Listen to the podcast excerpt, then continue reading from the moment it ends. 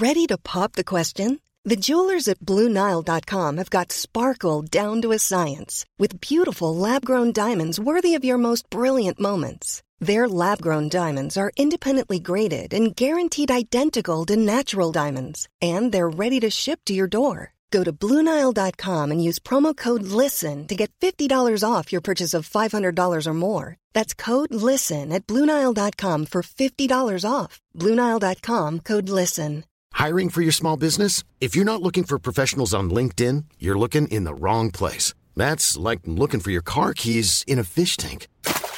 LinkedIn helps you hire professionals you can't find anywhere else, even those who aren't actively searching for a new job but might be open to the perfect role. In a given month, over 70% of LinkedIn users don't even visit other leading job sites. So start looking in the right place. With LinkedIn, you can hire professionals like a professional. Post your free job on linkedin.com slash people today.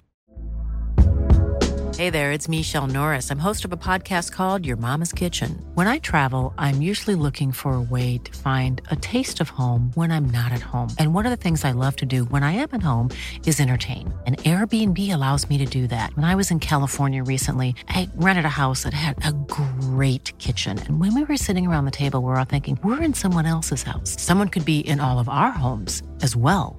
If you have a home, but you're not always at home, you have an Airbnb. Your home might be worth more than you think. Find out how much at airbnb.com/slash host.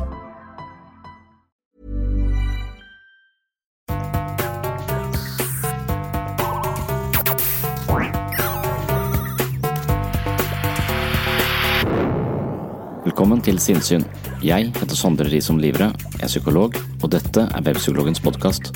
Hverdagspsykologi for fagfolk og folk flest.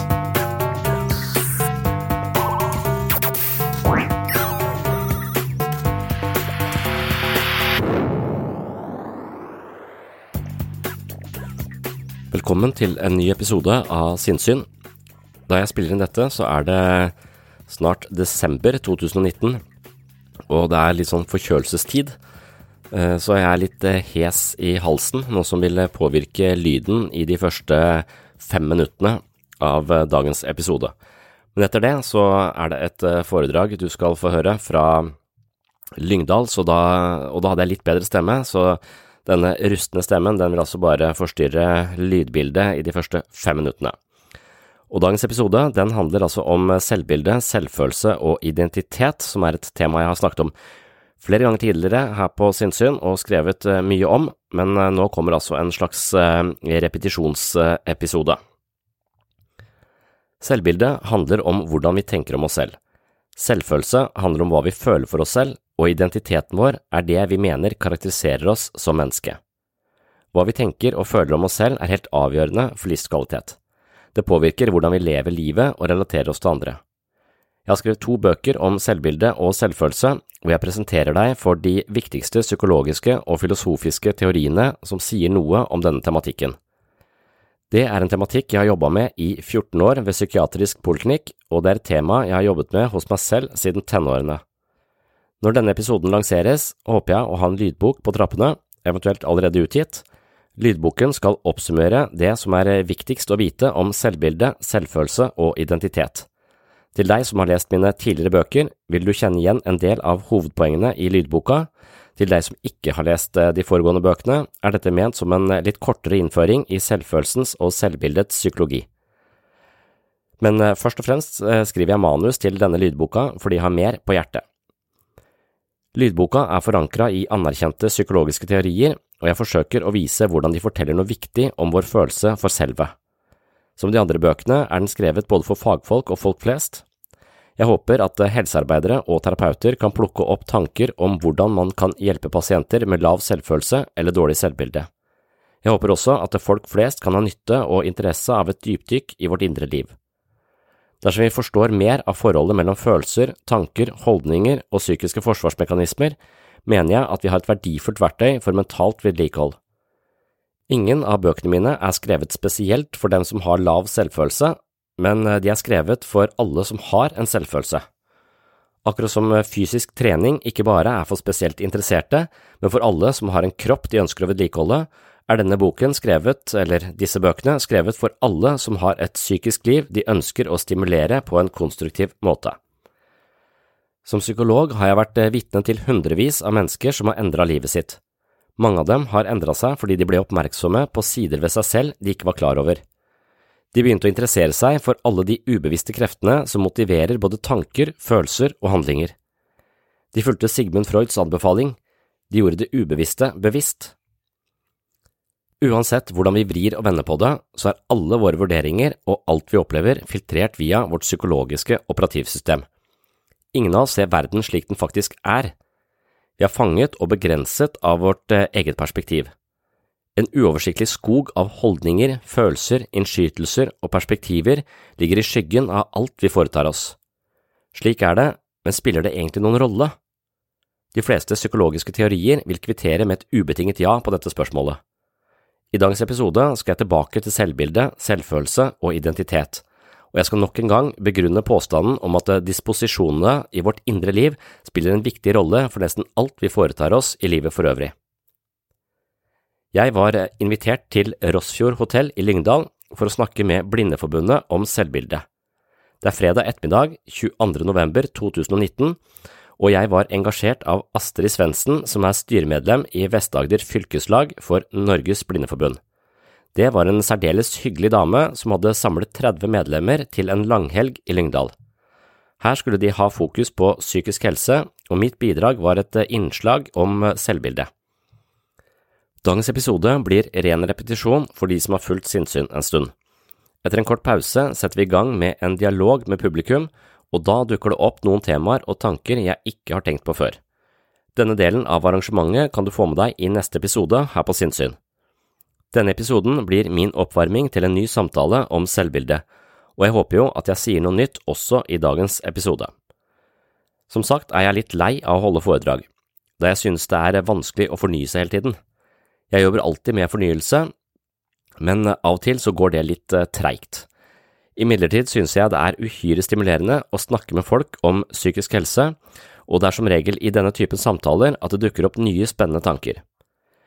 Etter dagens eh, oppvarmingsepisode setter vi altså selvbilde, selvfølelse og identitet i eh, sentrum eller under lupen på en mer dialogisk måte.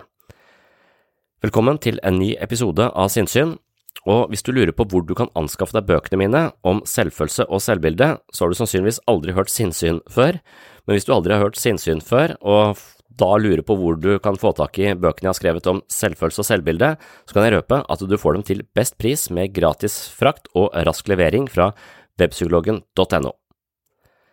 Det var eh, dagens eh, innledning. Nå setter vi over til eh, Lyngdal for å snakke om selvbilde i regi av Blindeforbundet. Du og Eva er jo bankers, dere. Ja, ja. Det ja, ja, vi er det. Nei, men Du må ikke bli stressa på det. Nei, blir ikke, blir ikke stressa. Nei, nei, men Det som er viktig nå, er jo at du bare har kjempeselvtillit. Ja. Nei, du må bare være helt sånn raus og helt avslappa på han duden, du. Ja. Du må bare ha verdens Ja, ja. største kuk. Ja, det sant? Uansett hvordan kuk du har, da, så må du liksom på en måte være oppføre deg som om du har verdens største Ja. kuk. ja. Raus og stor kuk. Dere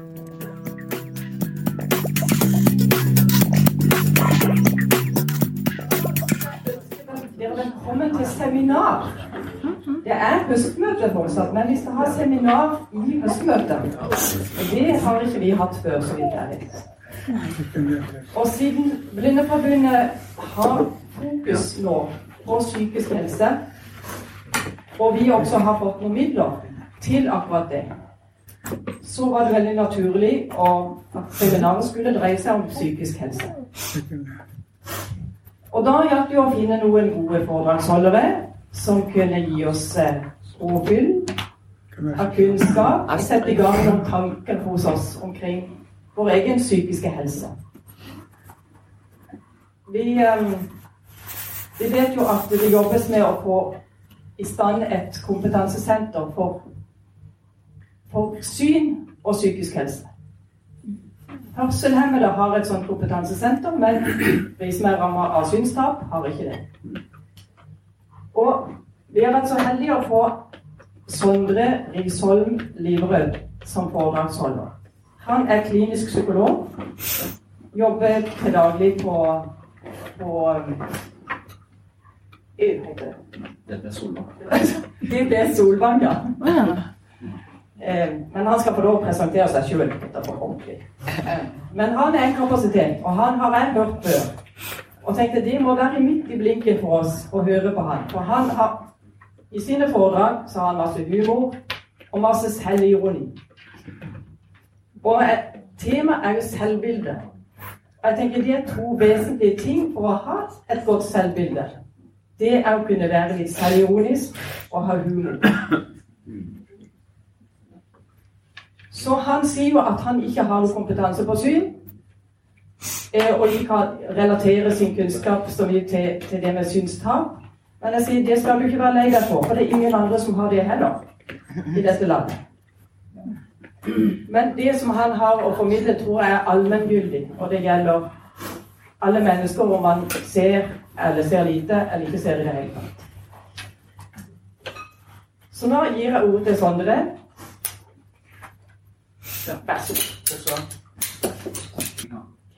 Ja, takk for eh, invitasjonen. Jeg eh, hadde tenkt å bare eh, snakke litt sånn løst og fast om selvbildet en tre kvarters tid, og så tar vi kanskje en liten pause. Og så vil jeg gjerne ha en dialog etterpå, eller innspill, spørsmål, eller noe vi kan gå videre med. Så på en måte skal man snakke om selvbildet i tre dager hvis man vil, eller så kan man snakke om det i en halvtime. Altså det, eh, så det er mye bedre hvis vi alle er med på å finne ut hvilken, hvilken vei vi skal gå, hva er vi interessert i, hva lurer vi på, hva slags innspill har vi. Og så er jeg eh, dypest sett dritlei av å høre meg selv eh, snakke og si de samme tingene om og om igjen. Så derfor så elsker jeg når folk kommer med innspill eller får meg til å tenke nye baner, eller eh, har ting jeg ikke har tenkt på før, f.eks. Så kan man spille videre på det. Så, så vi satser på at vi får en dialog da i andre, i andre økt etter ca. tre kvarter eh, om, om selvbildet herfra, da. Eh, Så akkurat nå for tiden så, så skriver jeg faktisk et kapittel i en, eh, i en bok eh, hvor jeg skal skrive om selvbilde, selvfølelse og identitet. Og da måtte jeg først finne ut av hva som var forskjellen på de, de tinga. Eh, Og når det gjelder selvbilde og selvfølelse, så kan jeg ikke si at det er så stor eh, forskjell. Man kan kanskje si at det selvbildet er det vi tenker om oss selv, men selvfølelse er det vi føler om oss selv. Det kan jo være litt, eh, eh, litt forskjellig. Mens identitet er ofte noe som eh, er mer sånn eh, ytrestyrt, eller hva skal man si. Det er ofte hva vi mener karakteriserer oss som mennesker, da. Så identiteten vår, den, eh, den er ofte også litt sånn omskiftelig. Når, når jeg leste meg på identitet, som jeg ikke skal snakke så mye om i dag, da, så, så leste jeg en historie om en, om en fyr som bodde i uh, Italia uh, i, på 30-tallet. Han var uh, patriot på sin hals, han elsket landet sitt. Eh, så hans identitet som italiener var eh, sterk. Men så kom det et annet styre, eh, nazismen eh, kom, og så var han tilfeldigvis homofil.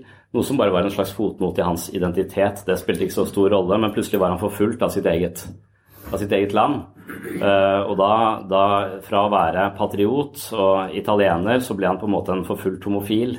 Og da kom dette med homofili veldig fram i hans identitet. Det var plutselig det han var, og det opptok nesten hele han. Så, så avhengig av hvordan eh, omgivelsene ser oss, og avhengig av hvordan vi snakker om grupper, så kan vi påvirke menneskers identitet og hva som kommer i forgrunn, og hva som kommer i bakgrunn i forhold til identiteten, eh, identiteten vår. som er ofte sånn ganske kontekstavhengig også, og, og omskiftelig. Den endrer seg.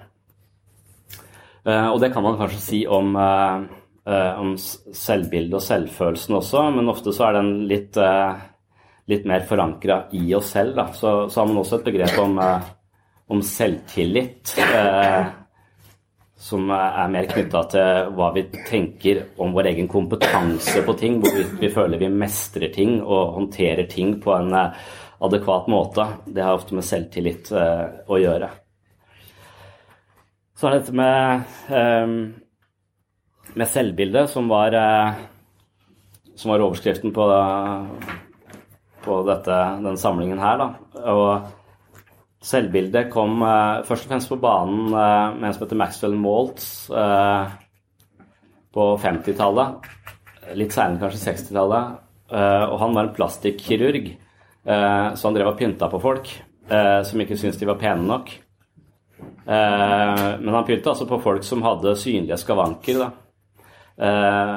og han oppdaget at veldig ofte når han endret menneskers utseende, sånn at de eventuelt ble mer attraktive ut ifra hvilken standard den kulturen de levde i, hadde satt på hva som var attraktivt, så, så, var det ikke alltid at det hadde så gode resultater.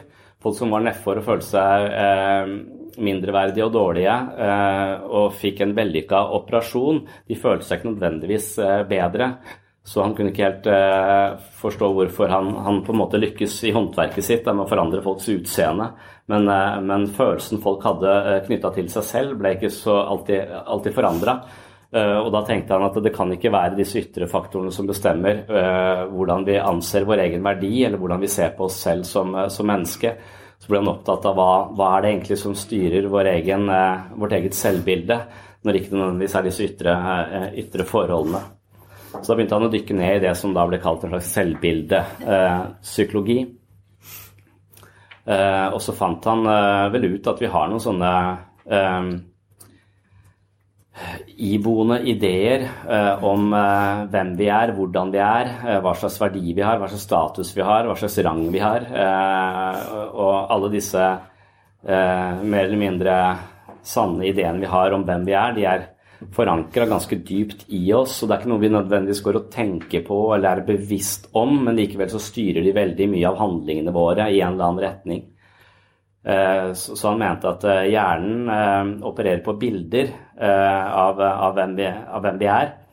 Og at disse bildene er installert i våre erfaringer med suksess og fiasko gjennom livets gang. Så det er en slags kulminasjon av masse av erfaringene våre, og også hvordan vi har blitt møtt av andre mennesker, og hvordan vi har blitt betraktet eller sett på av, av andre mennesker.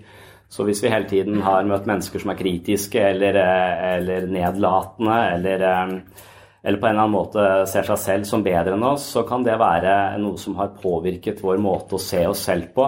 Og da har det blitt internalisert og blitt vår eget selvbilde, på sett og vis. Så, så, så selvbildet er da nesten sånn Selvfølelse og selvbilde vil jeg da nesten likestille. De ligner litt på hverandre, selv om dette kanskje er mer sånn tenkt og det andre er mer følt. Så, så det, henger dette i veldig hop, så jeg må nesten snakke om det sånn samlet, samlet sett. Så, så, vi har altså disse dypt forankrede ideene om, eh, om hvem vi er. Eh, som også eh, ligger bak handlingene våre og alt vi foretar oss. Og på en eller annen måte så, så søker selvbildet alltid å bekrefte seg selv, eh, for da eh, henger ting på greip. Eh, og det er derfor forandring ikke fryder i, i psykologien. Altså eh, hvis, eh, hvis, jeg ser meg selv som, som mislykka, eh, eller hvis jeg har et selvbilde som hele tiden anser meg selv som litt dårligere enn andre, så vil det på en eller annen måte hele tiden lete etter bevis på at det er riktig. Og det vil nesten også iscenesette situasjoner hvor jeg kommer til å mislykkes, så jeg får en slags bekreftelse på at den jeg tror jeg er, er jeg faktisk. Eh, for da henger ting, eh, henger ting sammen. Og, da vil vi ha problemer med å ta imot beskjeder eh, som strider imot vårt eget selvbilde. Så det vil altså være der man har litt problemer med å ta imot ros, f.eks., eller, eller hyggelige kommentarer, eller, eller anerkjenne at dette her fikk jeg, fikk jeg til. Det kan være eh, vanskelig for mennesker med et lavt selvbilde. De vil ofte overse den informasjonen som ikke stemmer overens med det de allerede mener å vite om seg selv. Og det er ikke på et sånt veldig bevisst nivå, men på et ubevisst nivå. Det er også noe som heter skjematerapi, som, som handler om at, eh, at, disse, vi har en hel del sånne psykologiske mønster som da er en del av dette selvbildet. Eh, og disse søker vi å få bekreftet eh, i vår kontakt med andre mennesker. Og Hvis vi har et dårlig selvbilde eller ser på oss selv som mindreverdig, så har vi mer eller mindre også en ubevisst tendens til å møte mennesker eller trekkes mot mennesker som behandler oss dårlig. Eh, for da henger dette enda mer eh, på greip. Så, så det er et eller annet i, i magefølelsen vår da, som, som, sier at eh, den personen der, det likte jeg godt. Og så etablerer du en kontakt med det mennesket, men så viser det seg at det, det er nok et menneske som tråkker på deg, eller ser deg som litt eh, litt lavere status enn seg selv, så du blir tatt for gitt og eh, ja, eh, må gi mer enn du får i denne relasjonen. Så hvis du gang på gang kommer i relasjoner hvor du gir mer enn du får, eh, så, så, kan det være at det, eh, du også har et slags selvbilde som, eh, som, klinger i takt med de erfaringene du da hele tiden gjør deg med andre, andre mennesker. Så den skjematerapien den, den, har en tendens til å anbefale folk, gi, gi folk helt konkrete råd i i hva skal man si, samlivsspørsmål. Eh, hvis du har en erfaring på at du hele tiden treffer folk som behandler deg dårlig, og forholdet, det ene forholdet etter det andre ryker, så er beskjeden at når du er i en eller annen situasjon hvor du tiltrekkes av en annen person, og du kjenner her er en umiddelbar kjemi, så skal du holde deg langt unna. Du skal altså gå mot de menneskene du syns virker kjedelige og uinteressante, for da er det sannsynlig at eh, du går imot dette underliggende negative selvbildet og faktisk treffer noe som kan være bra for deg.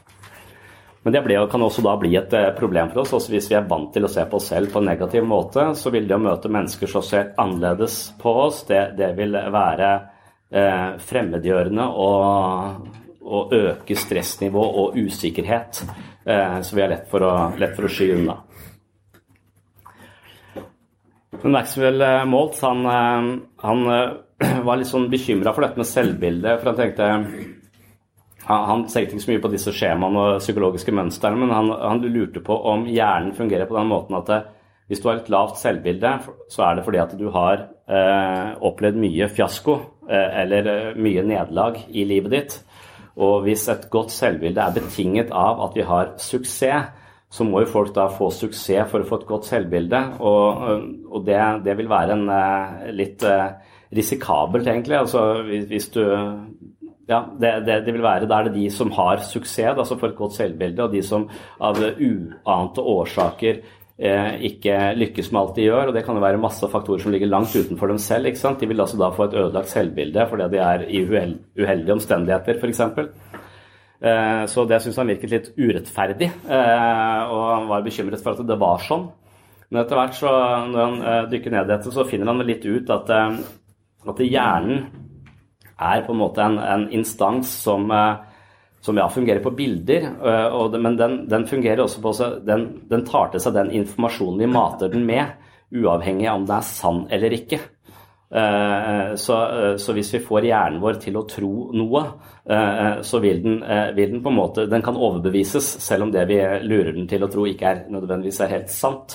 Så vi kan altså på en måte jobbe og forme vårt eget selvbilde hvis vi er bevisst eh, handlingsmønstrene våre og, og vårt eget indre liv. Eh, og jeg har en podkast, eh, og jeg tar opp dette, forresten, så hvis noen har spørsmål, så kan, kan det komme med på opptaket her. Men jeg, jeg har en podkast som heter Sinnssyn. Og det stammer fra denne ideen om at, at vi er nødt til å se vårt eget sinn. Og, og, det å være oppmerksom på alle de faktorene som ligger bak alt vi tenker, føler og foretar oss i løpet av en dag. Og hvis, vi er, hvis vi driver og dveler og undersøker bakenforliggende faktorer i vårt eget handlingsmønster, så er vi på vei mot, mot disse grunnleggende selvbildet på en måte. Da kan vi oppdage ting og ideer vi har om oss selv som på en måte egentlig bare ligger sånn noen sier det i magefølelsen, eller en eller sånn stilltiende stemme som ligger bak, som vi egentlig ikke hører, men som likevel påvirker handlingene, eh, handlingene, våre.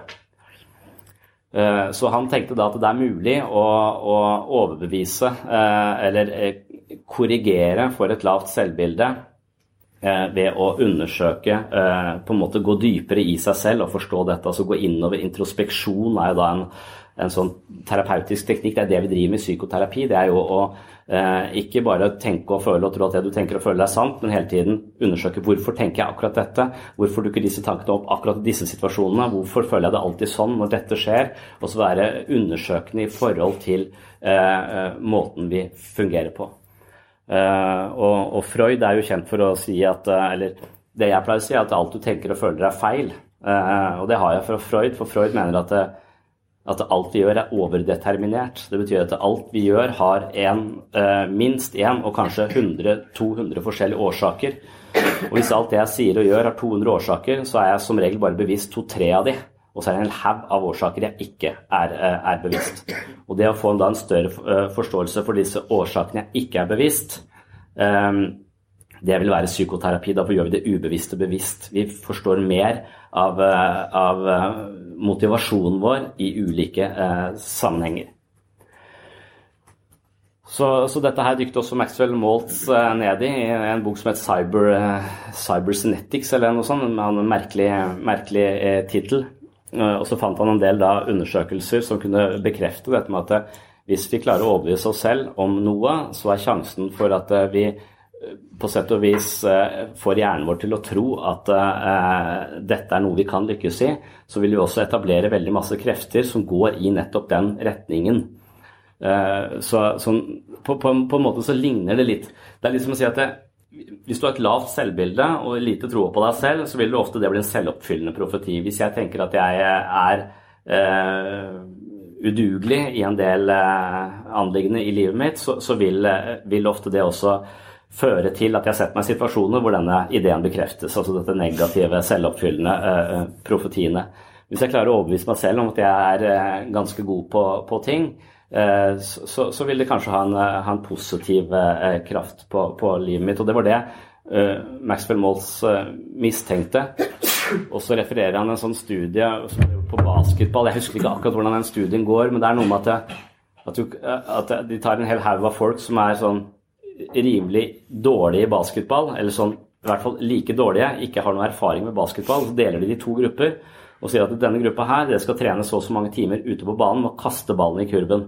Den andre gruppa, dere skal sitte inne på dette rommet her, men dere skal hele tiden følge den der beskjeden som går over høyttaleren her. Du skal se for dere at dere står på banen, holder ballen, kaster ballen mot uh, kurven, og at dere treffer. Og det skal dere gjøre. Skal sitte inn på rommet og visualisere at dere treffer eh, oppi, oppi, kurven. Uh, og når de hadde gjort det et par, par, timer, noen hadde trent, og noen hadde bare sittet inne på rommet og visualisert at de spilte basket, så testet de disse to gruppene mot hverandre. Og da viste det seg at denne, eh, denne gruppa som visualiserte det, eh, skåret like godt, hvis ikke bedre, enn den gruppa som hadde trent. For de som da hadde trent, de hadde jo mislykkes og mislykkes, de var jo ikke basketballspillere. Så de ble, var helt desillusjonerte, Jeg treffer jo ikke den forbanna kurven. Eh, mens de som var inne på rommet, hadde en høy forventning om at her treffer jeg denne kurven. Så denne høye forventningen, en slags placeboeffekt, denne troen på at dette kan jeg få til, har en faktisk innvirkning på livet mitt. da. Uh, og det har jo da noe med, med selvbildet å gjøre, tenker han. For at hvis vi har et selvbilde som er negativt, så vil det også korrumpere veldig mye av det vi prøver å få til.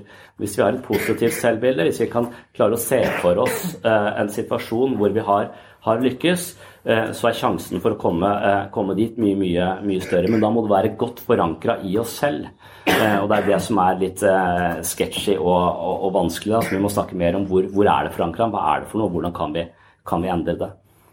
Så, så selvbildet er noe som jeg tror det ligger bak alt vi foretar oss. Eh, det farger alle våre opplevelser av tilværelsen, på en måte. Eh, så alt vi opplever, filtreres via, på sett og vis via selvbildet vårt.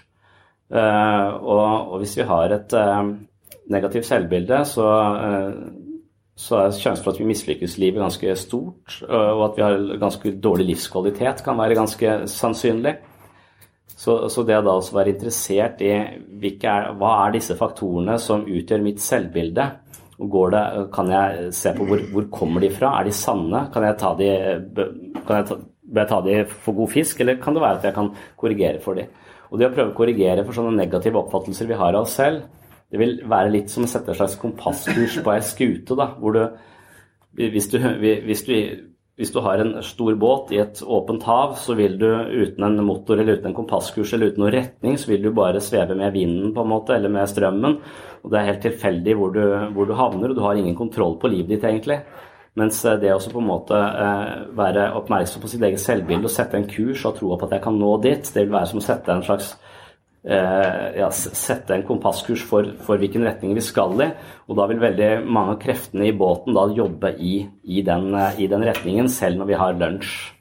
Uh, så, så, det er litt det som er Og dette er jo da sånn typisk selvutviklingssnakk, da, som er veldig vanlig i selv, selvhjelpslitteraturen også, Maxwell sin bok om selvbilde den, eh, den banet også vei for uh, tusenvis av bøker om visualiseringsteknikker osv. Så, videre, så hvordan vi kan visualisere deg selv i ulike situasjoner. Så er det noen som drar det så langt at det, du kan tenke deg til rikdom. Og da er vi jo ute i the secret, på en måte, hvor du gjør dette her til magisk tenkning og kvakksalveri. Fordi at jeg, jeg, kan ikke bare ligge inne på rommet og visualisere basketball og så havne i NBA i løpet av eh, noen måneder. Eh, det funker bare så så, så lenge det, er, det, er, en grense for hvor godt dette fungerer.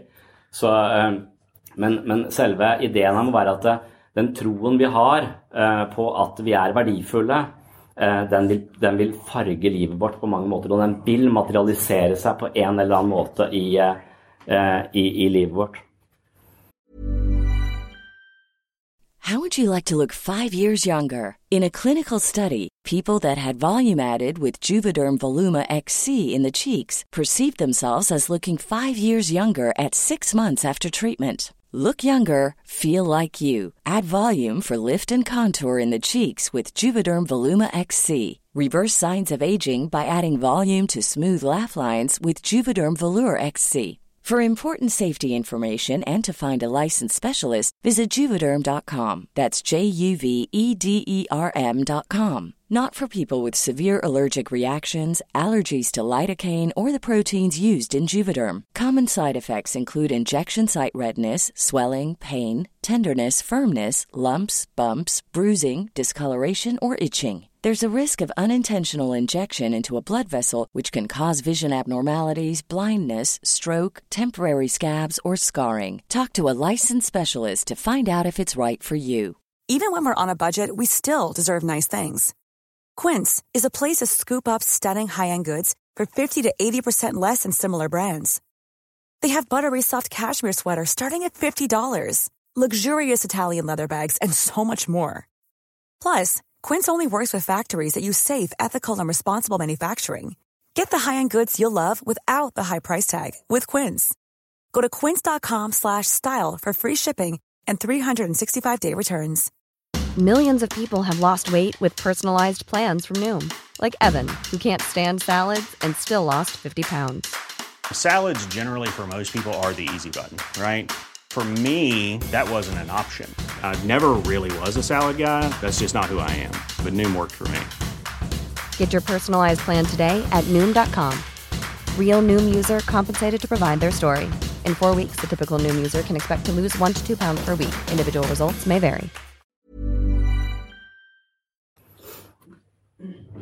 Mm.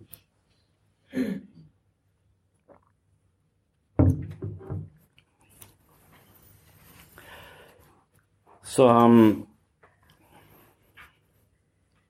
så det å være oppmerksom på dette eh, Oppmerksom på både selvfølelse og, og, og, selvbilde, selv om det er litt uh, to sider av samme sak. Så hvis selvfølelse da handler mer om hvordan vi føler for oss selv, da selvbilde er mer hvordan vi ser oss selv, eller tenker om oss selv, eh, så, så, kan man jo sånn klassisk sett i forhold til Piaget sånn om, om, om selvfølelse så mener han, eh, og det mener nesten hele utviklingspsykologien, mener at det, um, hva vi føler for oss selv, ligger som, en, uh, ligger som et mentalt skjema uh, i oss. og hva jeg føler for hunder, det handler om mine erfaringer med hunder. Så jeg kan ha møtt uh, gneldrete bikkjer som fireåring og laget et skjema som sier at bikkjer er farlige, og så har jeg lagt dette skjemaet om at bikkjer er farlige, et mentalt skjema, en slags vurdering jeg har gjort Eh, som fireåring. Det er ikke kompetent egentlig til å gjøre mine egne vurderinger, men det gjør man likevel. Og så legger man disse skjemaene på et lavere nivå, og hver gang jeg møter en hund da, så reagerer jeg med frykt, f.eks. For, eksempel. for frykt skal anspore meg enten til å angripe hunden eller stikke av. Uh, og, og, da har du et, et, skjema som angir eh, menneskets beste venn, altså hunden, som et, uh, som et farlig, farlig, dyr. Og hvis ikke du går bevisst inn for å korrigere det skjemaet, så kan du gå rundt med hundefobi hele, hele livet. Eh, så hundefobi, eh, det er jo ikke så uvanlig. Men, eh, og, det, men, og, det, går jo sannsynligvis an å korrigere for med eksponering og osv. Men, men det er verre med de skjemaene som handler om er jeg verdt å elske? Er jeg et verdifullt menneske? Og det er nok det der vi finner selvfølelsen vår. Så hvis jeg blir møtt med av mennesker som gir meg omsorg og kjærlighet og anerkjennelse og ros og viser meg at jeg er en person som er verdt å elske, så vil det legge seg som et mentalt skjema, som ofte er da min selvfølelse. Jeg anser meg selv som et menneske som er verdt å, verdt å elske. Og det kalles for sunn narsissisme. Altså det, det, det å elske seg selv høres ut som noe narsissistisk og noe vi ikke egentlig Noe vi syns er eh, litt uheldig, kanskje, å assosiere med Donald Trump. Men, eh, men eh, sunn, en sunn måte å elske seg selv på betyr at eh, jeg antar at jeg er et godt menneske med, eh, som er verdt å elske. Om det utgangspunktet så trenger jeg ikke å kjempe for min egen verdi, men jeg har ofte et overskudd til å se andre, andre mennesker isteden.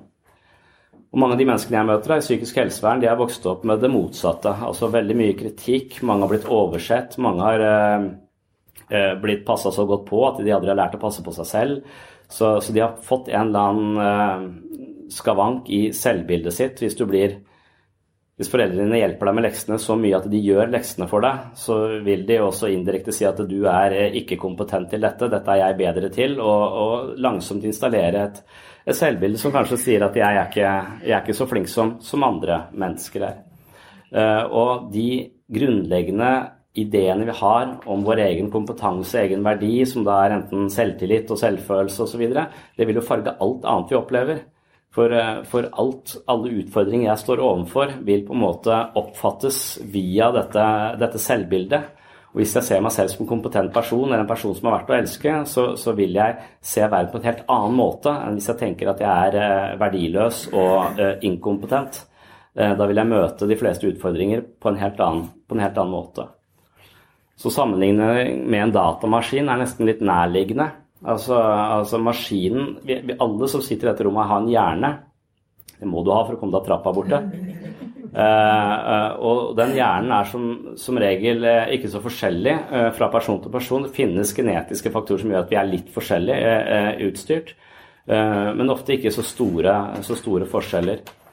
Så hvor mye genetikk sånn, som spiller inn på, på psykisk helse, det er, det er litt, men det er ofte veldig mye sosial arv eh, og erfaringer som, som, spiller en rolle. Og da er vi inne på operativsystemet i datamaskinen. Så alle har en datamaskin her, det er hjernen. Men vi har helt unike operativsystem, for vi har helt forskjellige erfaringer. Vi har møtt helt forskjellige mennesker, og de menneskene har satt spor i oss. Den måten vi har blitt behandla av våre nærmeste på, våre viktigste omsorgspersoner, det er de, de er IT, eh, de er systemansvarlige. Så når PC-en på jobben sier 'kontakt systemansvarlig', så, så ringer jeg til IT-avdelingen. Men når, når, jeg selv eh, på en måte går kold, så må jeg kontakte systemansvarlig, og det er jo egentlig i utgangspunktet var det foreldrene mine, men nå er det meg. Eh, så nå er det jeg den eneste som kan installere et nytt operativsystem i mitt eget hode. Vel vitende om at det operativsystemet som allerede er installert her, er installert av alle de menneskene jeg har møtt på min vei. Eh, så mitt selvbilde og min selvfølelse er jo ikke noe jeg har funnet på sjøl. Det er jo noe jeg også har fått via andres blikk og andres tilbakemeldinger og kontakten jeg har med andre mennesker. Og hvis jeg da har eh, gode mennesker rundt meg, gode relasjoner, gode eh, eh, venner, eh, foreldre som har tatt vare på meg, så har vel jeg mange, eh, mange faktorer i mitt selvbilde som sier at at eh, jeg er verdt å, verdt å elske.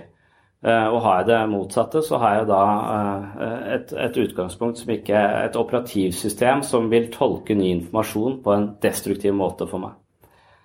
Så vi vet jo det fra dataverdenen at hvis jeg har et dårlig operativsystem i en PC, så kan du ha så mye ram og hatch du bare vil, men hvis ikke operativsystemet funker, så funker ingenting. Da blir det dårlig data. Og det er derfor vi driver og oppdatere mobilen vår hele tida. For vi må ha Det er litt sånn vi må gjøre med huet vårt. Vi må oppdatere huet vårt. Vi kan ikke tenke på samme måte og oppføre oss på samme måte hele livet.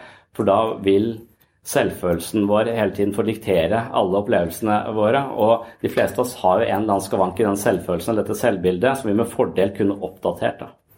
Så mens vi driver og oppdaterer mobilen vår eh, i tide og, og utide, så, så, er det ikke så mange som driver og oppdaterer sitt eget psykologiske operativsystem.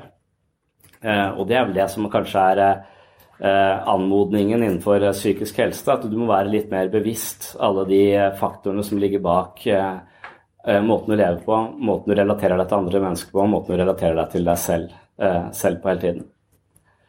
Det er litt slitsomt, for du må hele tiden være, være bevisst. Du kan ikke bare gå på autopilot. Og det er det psykoterapi eller selvutvikling handler om. Det handler om å ikke gå på autopilot. For hvis du går på autopilot, så, så bare får det selvbildet du har, det får lov til å diktere alt du gjør, og du gjør ofte de samme tingene om og om igjen. Uh, så det å være bevisst betyr at istedenfor å hele tiden gå inn i nye situasjoner uh, uten å tenke deg om, så bør du stoppe opp tenke deg om er dette en person som typisk reflekterer mitt selvbilde. Er jeg nå i ferd med å starte en ny kontakt eller melde meg inn i en ny gruppe av mennesker hvor jeg kommer til å føle meg utenfor og annerledes? og, og så videre, og så, og så, videre. så, så vær, mer, vær, litt mer bevisst disse, disse tingene. Og jeg tror de fleste oss også vet at det er selvbildet og selvfølelsen vår. Det vil jo heller ikke, Akkurat som identiteten vår, så vil det være litt sånn kontekstavhengig. Noen situasjoner føler vi oss bedre enn i andre, andre situasjoner. Så det er helt klart at noen mennesker kan jo påvirke eh, si, selvfølelsen vår i ganske stor grad. Eh, det fins mennesker som kan komme inn på mitt kontor, og de er så mektige og, og store at jeg blir plutselig bitte liten. Uh, og, og, føler meg uh, totalt udugelig. Uh, og begynner å forsvare meg på en eller annen måte, selv om jeg ikke har noe å forsvare. så begynner jeg på en måte å kjempe om plassen i, i, dette rommet. og da vet jeg at jeg er på hælene. Så ofte så, i, i, verste fall så begynner jeg å lyve om ting som ikke er sant, bare for å prøve å hevde meg selv. Og, og, da er det jo noen som på en eller annen måte truer mitt eh, selvbilde, min selvfølelse. Eh, og, og, og, som jeg prøver å skape, gjenvinne en eller annen form for uh, verdi. da.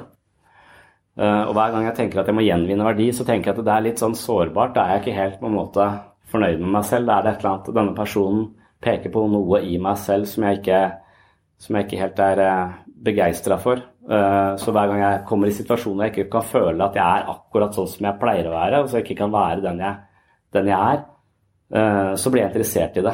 Eh, fordi jeg tenker at det kan fortelle noe viktig om meg selv. Så istedenfor å komme i ubehagelige situasjoner og tenke at jeg skal aldri møte den personen igjen, så vil jeg kanskje tenke motsatt. At den personen må prøve å omgås mye, for her har jeg et eller annet jeg kan lære. Eh, og det er også en sånn idé i psykisk helse at vi bør, bør oppsøke de situasjonene som er ubehagelige for oss, for da, det er der vi har noe å lære. Men ikke, så, ikke oppsøk de så brutalt at du kobler ut nysgjerrigheten på hva kan jeg lære her. For uh, hvis du blir for redd, så kobler nysgjerrigheten din ut, og da lærer du ingenting. Du blir bare retraumatisert. Uh, så, så, det er jo uh, viktig å, å, ta med seg.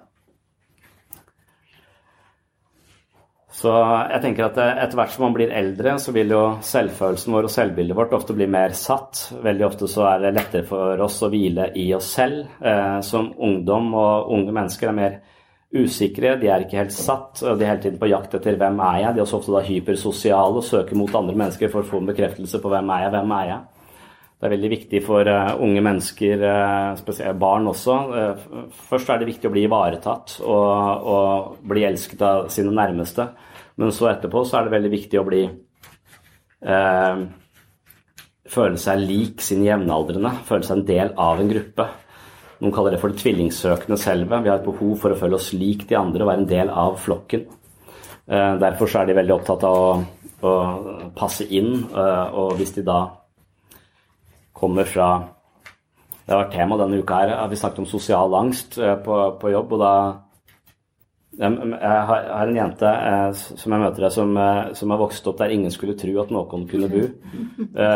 og, og det det er greit hvis du er liksom sånn økologisk orientert og opptatt av miljøvern og er voksen og har levd et langt liv. Så kan du godt flytte til Gokk. Eh, men hvis du tar med deg barna dine til Gokk, og det ikke er noen andre barn der, eh, så risikerer du at de mangler en form for mengdetrening i sosial omgang med andre, og de mangler en slags bekreftelse som de trenger dette tvillingsøkende selv, å føle seg lik jevnaldrende.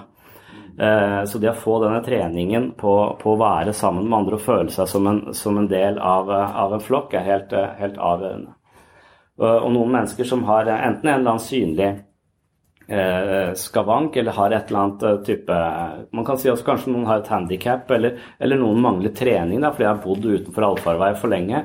De vil ofte føle at de sammen med andre mennesker liksom ikke helt går i den samme takten uh, som de andre. Altså det, det en, de spiller ikke alltid den samme De klarer aldri å spille helt den samme melodien som, uh, som resten av det sosiale orkesteret uh, spiller. Så vil alltid føle seg, eh, føle seg litt, eh, litt, utenfor. Eh, og det kan jo også være en sånn ting som påvirker selvbildet vårt. En, en sånn og det kan også bli en sånn fastgrodd idé som, som, sier at jeg er såpass annerledes at jeg passer aldri inn. Og så vil det også være de brillene du hele tiden tar på deg, og så vil du alltid være litt utenfor, uh, utenfor takta. Uh, og det vil ofte da utkrystallisere seg i det man kan kalle sosiale, uh, sosial angst. Ja.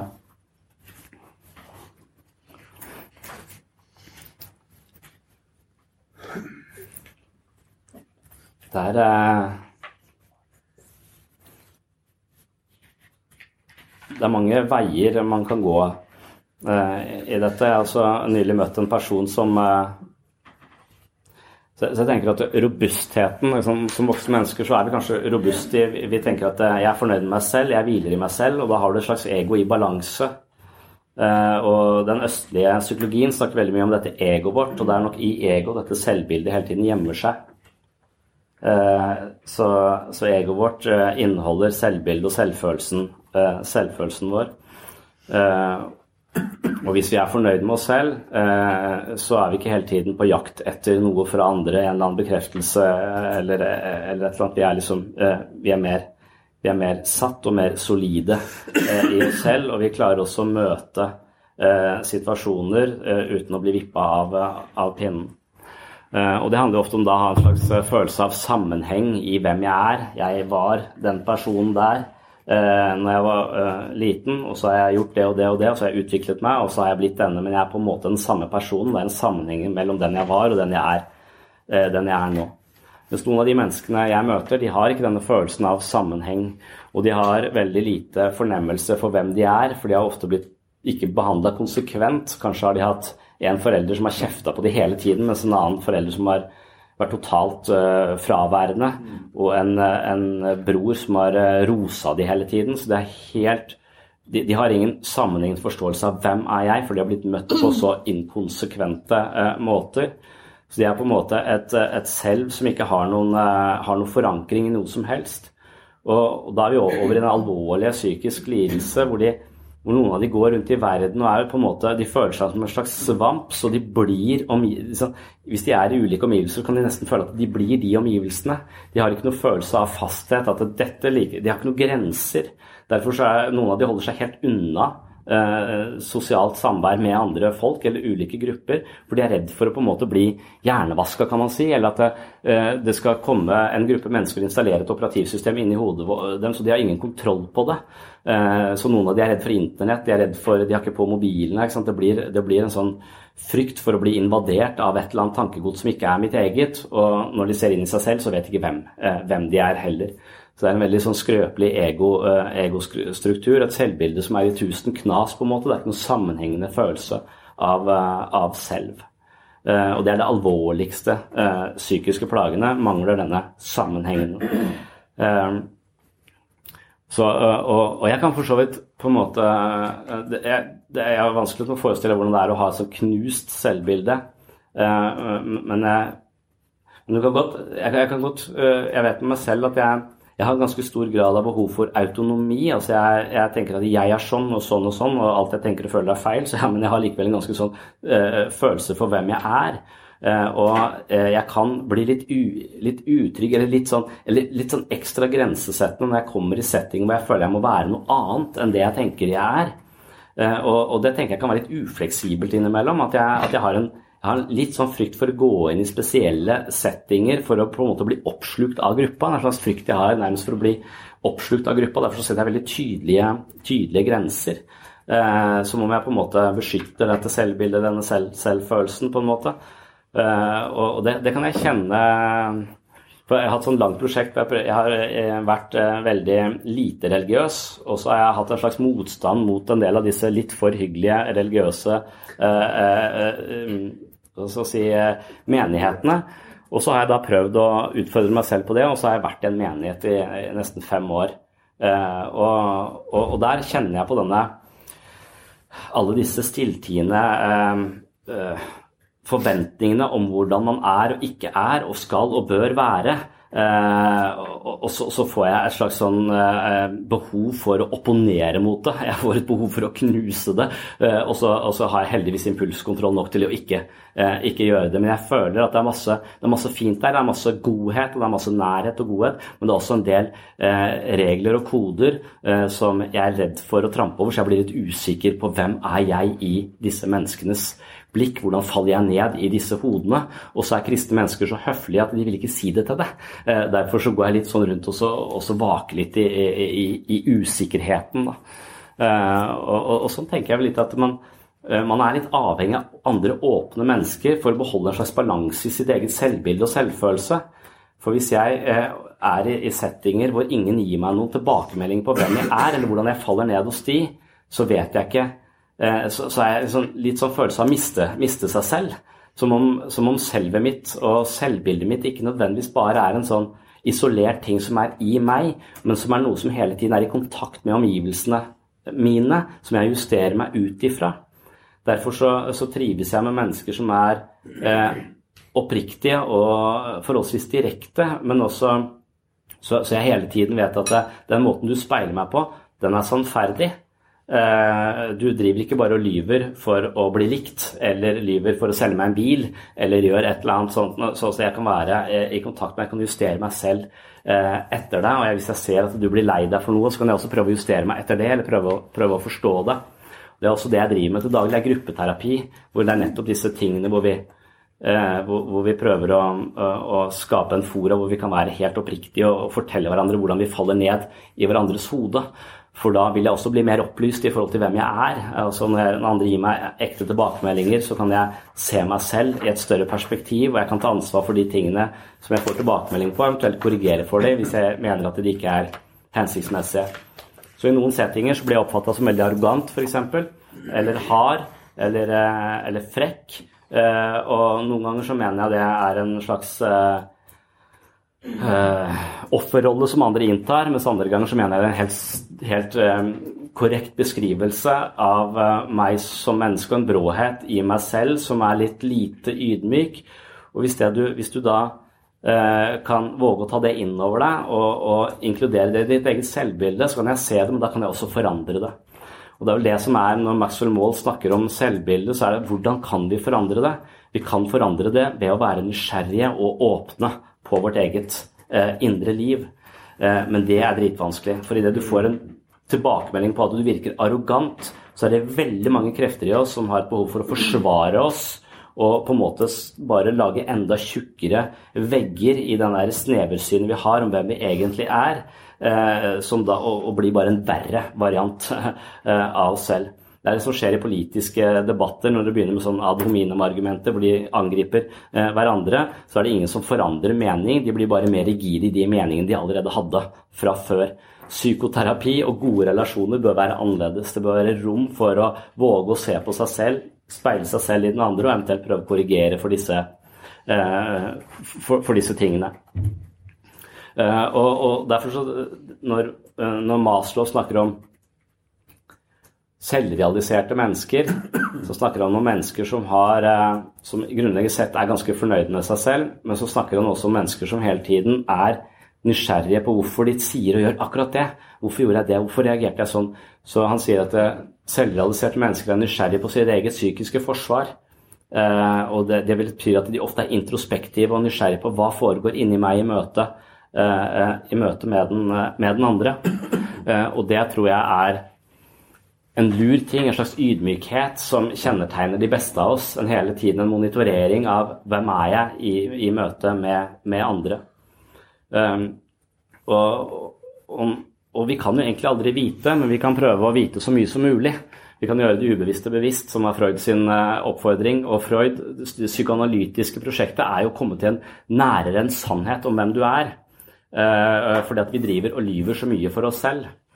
Eh, så når jeg har gode argumenter for hvorfor jeg driver og støvsuger litt ekstra med litt ampre bevegelser hjemme, så, det, så sier jeg nei, du, du, trenger ikke å gjøre noe. Du kan bare sitte i sofaen og, og, og slappe av. Jeg kan gjøre alt sjøl. Altså, det, det, er ikke så farlig med meg. Og så, så kan jeg tro at jeg bare er en martyr og er veldig flink, og alle er glad i meg. Men egentlig så er jeg forbanna på hun, og jeg, istedenfor å si at jeg syns det er en ubalanse her nå, så vil jeg prøve å plage henne ved å gi henne dårlig samvittighet. Det er det som faktisk skjer. Men det er ikke det jeg på en måte eh, anerkjenner alltid i situasjonen. ikke sant? Men, men, det, når, men, du har ofte en slags vag fornemmelse av at nå er du ikke den beste varianten av deg selv. Og hva er det som foregår, eh, foregår her? Jeg har ikke blitt anerkjent nok, jeg har ikke fått det, det, jeg trenger. Og hvis man snakker åpent om de tingene, så slipper man å spille alle disse sosiale spillene som gjør at mennesker egentlig ikke kommer nære hverandre, men ofte ender i skilsmisse eh, isteden. Og en av de tingene eh, som på en måte har skaket, eller som har gjort meg mest usikker, eh, kanskje mest nysgjerrig også, på mitt eget hva skal jeg si, selvfølelse og selvbilde, på mitt eget psykologiske operativsystem og hvordan det fungerer, at jeg kan jo ha masse ideer om hvem jeg er, hva slags verdier jeg har, eh, og hvorfor jeg gjør det jeg gjør. Vel vitende om at eh, jeg bare er så og så nærme sannheten. Jeg vil aldri nå en fullstendig sannhet om meg selv, men jeg kan komme eh, nærmere til en stadig større forståelse av meg selv. Og det er kanskje hele livsprosjektet vårt, er å forstå oss selv i et stadig større perspektiv. Og forstå, inkludere stadig flere av disse elementene som ofte ligger i utkanten av vår egen bevissthet og oppmerksomhet. Og da blir du et romslig menneske, tror jeg, et fleksibelt menneske. Eh, men mange av oss har, eh, har ganske snever eh, forståelse av det og mener at vi har rett og er bombastiske. Du kan velge mellom å ha rett eller ha gode relasjoner. altså selvhjelpstips. Og det har jeg tatt på alvor, så jeg har prøvd å bli Jeg tenker jeg skal jobbe med det hele livet. altså Jeg syns det er interessant også. Men en av de tingene som virkelig skaker denne undringen på meg selv, var den filmen som heter Jeg tror den heter 'Turisten' på norsk, eller 'False Major'. Hvor, det er en far altså Jeg og pappa er tre barn. Eh, og vi er ofte å stå på ski om vinteren. og den Filmen handler om en familie som reiser til Alpene for å stå på ski. Eh, og Så tar de en pause på en restaurant, og så sitter de ute, det er fint vær. Men så driver de og smeller av noen sånne kanoner rundt forbi for at de skal eh, lage snøskred, sånn at snøskreden ikke kommer uforutsett, og de skal ha kontroll på det. Eh, så tror de at dette snøskredet som da er i ferd med å eh, komme mot restauranten der de sitter, er et sånt kontrollert snøskred. Men så viser det at det kommer bare nærmere og nærmere, nærmere, nærmere, og til slutt så går det opp for at det, faen, det her går ikke spesielt bra. Og det faren gjør da, er at han tar mobilen sin og lua og stikker. Eh, og, og, mens kona tar de to barna, holder rundt dem og, og, og dukker ned. Eh, eh, og, så legger det seg bare et lett snølag over hele restauranten. Og så går det et minutt, så kan de reise seg opp. Ingen har blitt skada. To minutter etterpå kommer faren tilbake igjen. Eh, og, og, da er det dårlig stemning. Og da, da, er på en måte spørsmålet Altså, hvem er du nå? Det, det, og, og, og, da sa jeg til kona mi sånn en film sa at det, hadde vel ikke jeg gjort. Og så brukte hun litt på Hun tenkte seg om før hun svarte. Eh, og det var for lang tid for meg. Så nå, i etterkant, så har jeg alltid lurt på er jeg en person som redder barna mine i en krise, eller er jeg en person som stikker av hvis jeg ikke får lov til å tenke meg om? Og der er det veldig forskjellig intuisjon folk har. altså defineres jeg hvis at verdien, Jeg vil si at jeg er en person som ville prioritere barna mine og kona mi og prøve å redde de i en sånn situasjon. Det er sånn jeg tenker om meg selv. Det er mitt selvbilde. Men det er også det som skjer av og til, at selvbildet vårt faller i grus fordi vi er i situasjoner hvor vi må handle uten å tenke oss om, og så viser det seg at vi var en annen person enn det vi trodde. Um, og det er det jeg er redd for. Altså at eh, Hvis jeg er i en sånn situasjon, tenk om jeg handler uh, uten å tenke meg om på en måte hvor jeg redder meg selv og driter i de. Uh, og, og, da er det noen som mener at ja, men det kan ikke du klandres for, for det er en automatisk respons. Du tenkte deg ikke om, du har andre verdier. Du er egentlig Det som definerer deg som menneske, er verdiene dine, og ikke handlingene dine i en sånn situasjon, for det er en krisesituasjon. Min intuisjon er motsatt. At du er det mennesket som handler uten å tenke seg om i den situasjonen. Uh, og jeg tenker Da er vi også inne på sånne dypt uh, ned, sånne mønster vi har i oss selv. Og mitt håp er at ved å undersøke dette gang på gang og tenke mye på hvem er jeg? Eh, dypest sett, hvis jeg ikke får lov til å tenke meg om, så, så er nettopp den selvrefleksjonen der, den anerkjennelse at jeg kan være en person som stikker av, men jeg vil ikke være det. Og Hvis jeg tenker mye på det, så kan jeg kanskje korrigere for den automatiske responsen, og i en, tenkt, i en gitt situasjon, hvor jeg plutselig havner i den situasjonen, faktisk være en person som redder barna mine. Og det er litt det som er budskapet i mye av dybdepsykologien, er at det, gå til de mørkeste sidene i deg selv. Prøv å oppsøke de sidene i deg selv du helst ikke vil se på. Og hvis du kan forstå dem, hvis du kan eie dem, hvis du kan anerkjenne at jeg kunne vært denne eh, personen jeg ikke vil, vil være, så har du turt å gå ned i ditt eget mørke med en lommelykt, og du vet hva som er der, og du har også da kontroll på det, og du blir ikke plutselig denne eh, personen som, som, som stikker fra barna, fra barna dine. Du kan også eh, si det sånn som Jordan Peterson sier, at eh, alle mennesker må, må innrømme for seg selv at de potensielt sett kunne vært fangevokter i Auschwitz. Eh, at det fins mørke krefter i oss alle, og at de bør vi våge å se på for å bli et helt, helt menneske. Så, og, det tenker jeg er den typen dybdepsykologiske analyser man, man kan drive med eller ikke drive med, men jeg tror det er den veien man skal gå for å for å se alle disse faktorene som til sammen utgjør vårt selvbilde. Og vår, vår selvbilde er kanskje en mer bevisst ting, da, men dette selvbildet er da fullt av masse faktorer som også ligger og koker under her sånn. Og, og, og vi kan på en måte ved, ved, å hele tiden være nysgjerrig på det, få mer kontroll på det og være med på å forme den personen vi ønsker å, å være. Og det er også Selvutvikling, psykoterapi, handler om å være mer bevisst sitt eget indre liv, altså sinnssyn, se sitt eget se sitt eget eh, sinn eh, for, å få en større forståelse av de kreftene som eh, ligger bak alt det, vi, alt det vi foretar oss. Og hvis vi kan se noe, så kan vi forandre det. Hvis vi ikke kan se det, så, så vil det bare ligge i skyggen av vår bevissthet og, og på en måte styre handlingene våre uten at vi er bevisste. Så alt vi foretar oss, er overdeterminert. Det er så mange faktorer vi ikke er klar over, som styrer hvorfor vi gjør akkurat det vi gjør. Eh, og hvis vi ikke er noe nysgjerrig på det, så vil vi være et offer for tidligere erfaringer, alt det andre mennesker har fortalt oss at vi er, samtidig som vi vil være et offer for Google, Facebook, eh, YouTube og Netflix, for de er full av algoritmer som prøver å styre holdningene våre, verdiene våre, eh, og hvor mye tid vi bruker foran blått lys på en skjerm. Altså Den største trusselen mot min rolle som pappa er smarttelefonen min.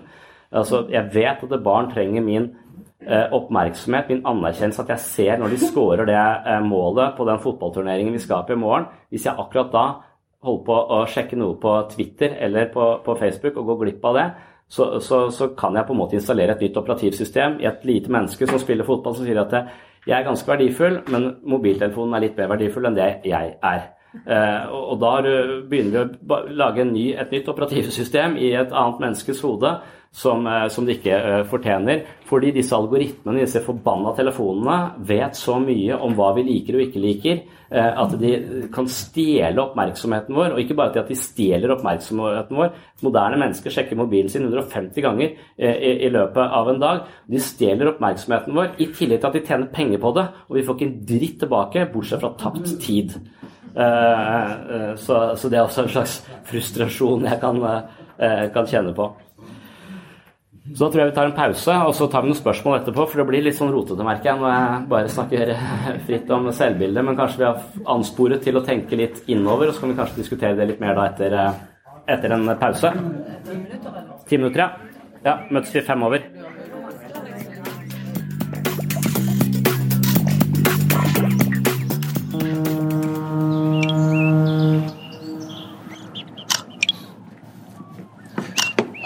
Ta bilde av maten da, pappa. Legg den ut på Facebook. Så spennende. Eggerøre med gressløk fra egen hage. Nam-nam. Og så utropstegn der. Men er ikke det morsomt, det, da? Oddvars nye grønne profil. Her, har allerede fått like fra Nora. Ja, Imponerende. Hun sitter her. Oi, så deilig frokost. Ja, pappa har lagt det på Facebook allerede. Altså, her kom det enda en like fra Sinkerud. Du, Må du sitte og si høyt nå alle som liker det, eller? Ja, så er enda en like fra den stubben jeg la ut i går kveld. Nei, for det er 79 likes er rekord. Ja, så morsomt, da. Så du det, Terje, eller? Jeg gidder ikke. Det er bare tull. Det betyr at 79 stykker ikke er enig med deg. vet du. Må du alltid være så negativ da, Terje? Ja, men mamma, Når voksne må liksom ta over ungdomskanalen og begynne å være opptatt av likes, det er noe sjukt ved det. Ja, men herregud, da. Bytta eggerøre. Kom igjen. Pappa. Takk for at du hørte på Sinnsyn. Som jeg advarte om innledningsvis, så ble det litt eh, repetisjon i denne episoden.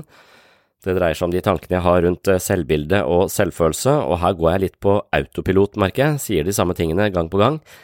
Eh, Jeg har egentlig andre tanker om dette, men det er akkurat som når jeg står foran et publikum, så er det nesten som om de vante setningene bare ramler ut av munnen min, uten at jeg egentlig helt eh, har eh, kontroll på det. Så autopilot kan jeg ikke være når jeg er i dialog med publikum, og derfor så er det en eh, langt mer stimulerende del av dette arrangementet for min del. Og den delen av arrangementet den kan du få med deg i neste episode. Da åpner vi for spørsmål fra publikum, og det blir snakk om selvbilde og selvfølelse fra litt ulike innfallsvinkler. Så hvis du er mer interessert i denne tematikken, så er det bare å henge med. I løpet av noen få dager så skal den episoden også være ute. Jeg er litt usikker på når dette her blir publisert, men uh, sannsynligvis eh, et år fram i tid i forhold til her jeg sitter akkurat nå og snakker om det.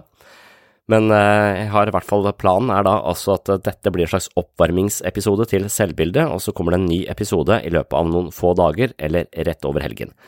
Så er du mer interessert, stay tuned og heng med i neste episode. På gjenhør!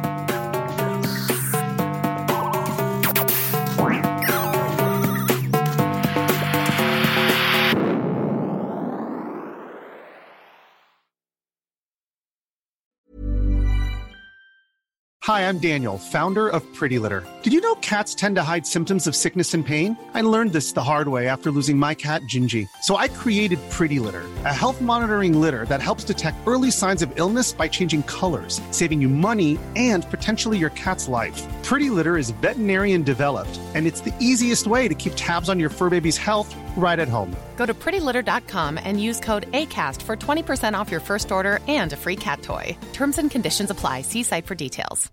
Here's a cool fact a crocodile can't stick out its tongue. Another cool fact you can get short term health insurance for a month or just under a year in some states.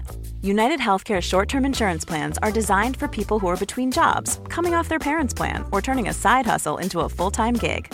Underwritten by Golden Rule Insurance Company, they offer flexible, budget friendly coverage with access to a nationwide network of doctors and hospitals. Get more cool facts about United Healthcare short term plans at uh1.com. Mom deserves the best, and there's no better place to shop for Mother's Day than Whole Foods Market. They're your destination for unbeatable savings, from premium gifts to show-stopping flowers and irresistible desserts. Start by saving 33% with Prime on all body care and candles. Then get a 15-stem bunch of tulips for just $9.99 each with Prime. Round out Mom's menu with festive rosé, irresistible berry chantilly cake, and more special treats. Come celebrate Mother's Day at Whole Foods Market.